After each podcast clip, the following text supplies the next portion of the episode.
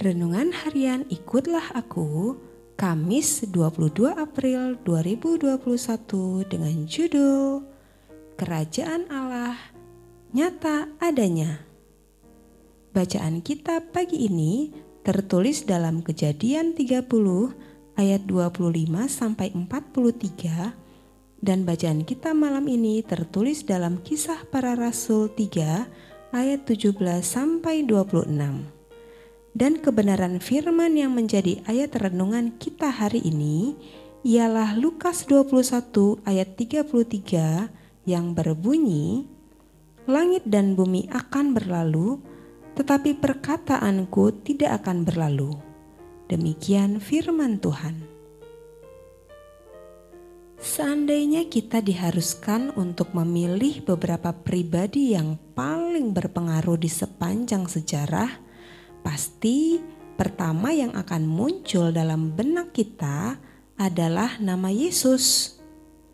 Dalam tulisannya tentang Yesus orang Nazaret dalam Time Magazine Desember 99, Reynold Price menyatakan bahwa tak ada seorang pun di kolong langit ini yang di dalam kehidupannya terbukti berkuasa dan tahan uji seperti Yesus. Maka, ketika laki-laki yang dilahirkan di sebuah desa terpencil Bethlehem 2000 tahun yang lalu itu menyatakan, "Akulah terang dunia." Tertulis dalam Yohanes 8 ayat 12, dan perkataanku tidak akan berlalu tertulis dalam Lukas 21 ayat 33 dia telah memprediksi bahwa sejarah akan membuktikan kebenaran perkataannya.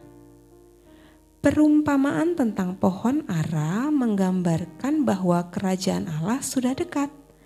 Tertulis dalam Lukas 21 ayat 31.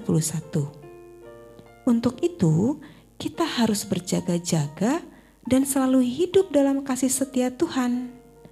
Firman Tuhan yang selalu kita baca dan dengarkan setiap hari harus mempengaruhi dan merubah hidup kita. Kita akan menjadi terang dan garam bagi orang di sekitar kita, di mana kita berada dan berkegiatan. Hendaklah orang-orang merasakan kasih Tuhan hadir melalui keberadaan kita kitalah pelaku perkataan Allah itu. Kitalah yang membuktikan kepada dunia bahwa kerajaan Allah nyata adanya. Mari kita berdoa.